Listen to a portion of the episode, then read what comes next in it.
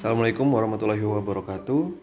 Uh, halo semuanya, ini adalah tes uji coba podcast pertama dan refleksi untuk uh, weekly ref reflection uh, mata kuliah uh, BCI. Jadi mengenai fenomena kreatif yang dialami selama satu minggu setelah kuliah berlangsung. Nah, jadi sebenarnya pada mata kuliah BCI ini uh, merefresh kembali kepada pribadi saya juga dan juga teman-teman di kelas mengenai apa itu uh, kreativitas dan berpikir kreatif. Karena ini adalah hal yang penting terutama bagi uh, calon entrepreneurs atau wirausaha atau bisnismen ataupun manajerial. Karena pada mata kuliah mata kuliah sebelumnya itu lebih kepada pembahasan uh, kasus atau masalah terhadap uh, suatu teori atau suatu kejadian terus peraturan yang berlaku itu kan sangat apa ya sangat strict dan cukup memangkas uh, keinginan untuk berpikir kreatif dari eh, rekan-rekan atau teman-teman. Nah, hal yang menarik yaitu pada mata kuliah BCI kemarin itu sempat membahas mengenai uh, pengertian kreatif. Apa itu kreatif?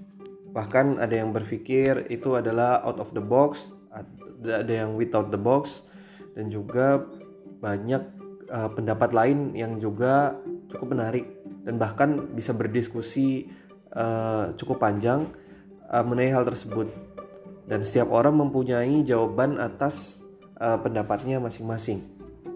Nah, uh, saya juga sepakat bahwa sebenarnya kreativitas itu bisa muncul ketika uh, adanya limitasi atau adanya batasan. Contohnya saja banyak sekali penemuan-penemuan uh, yang ada itu dihasilkan karena adanya uh, keterbatasan dari baik dari manusia atau dari sumber daya yang ada. Contohnya ketika manusia menemukan uh, kendaraan itu tentu untuk mengatasi perbatasan bahwa uh, hewan atau kuda pada masa sebelumnya dijadikan transportasi itu tidak uh, cukup reliable reliable bagi manusia untuk berpergian dan tidak praktis. Makanya manusia terus berpikir bagaimana sih caranya supaya lebih praktis. Makanya menurut saya dengan adanya hambatan itu akan mendorong proses kreativitas menjadi uh, lebih baik. Kemudian juga membahas mengenai social entrepreneurship di mana banyak teman-teman yang punya pendapat bahkan juga berbeda yang berpikir bahwa setiap bisnis otomatis menghasilkan dampak sosial. Namun jika dilihat lebih lanjut tidak semua sebenarnya menghasilkan dampak sosial uh, atau melainkan dampak sosial positif yang dimaksud. Jadi bisa saja bisnis tersebut mempekerjakan contohnya uh, anak kecil uh, di bawah umur.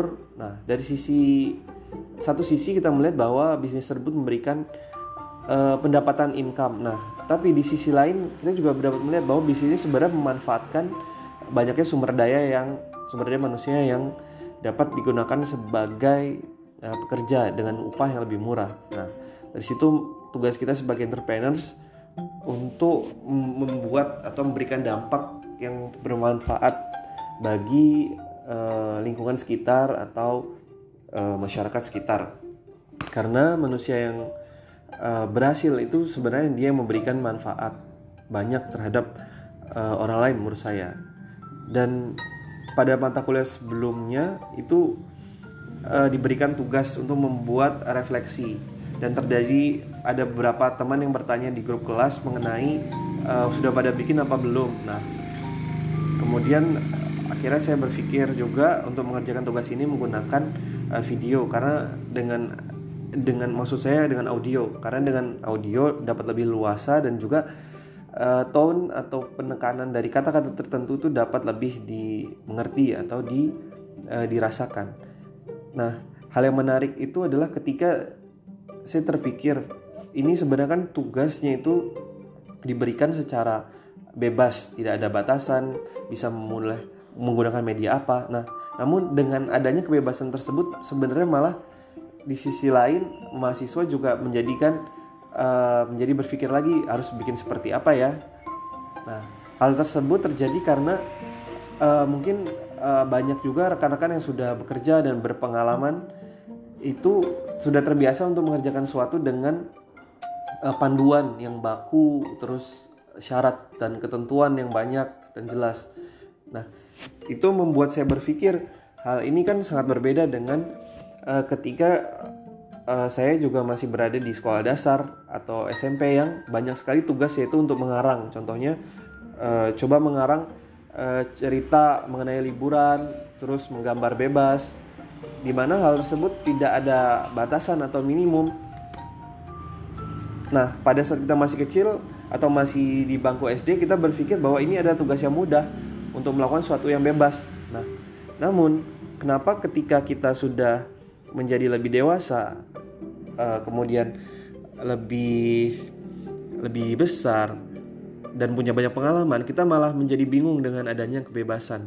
Nah, kemudian saya berpikir, nah, apakah dengan semakin kita dewasa, semakin kita banyak pengalaman, apakah kreativitas kita itu akan semakin pudar atau semakin menghilang? Dan saya sempat teringat terhadap suatu quotes, quotes yaitu the creative adult is the child who survive. Jadi uh, orang dewasa yang dikatakan sekarang ini kreatif itu adalah sebenarnya anak kecil yang selamat, selamat dari uh, perubahan kehidupan, kemudian tantangan, kemudian realita dan uh, lainnya.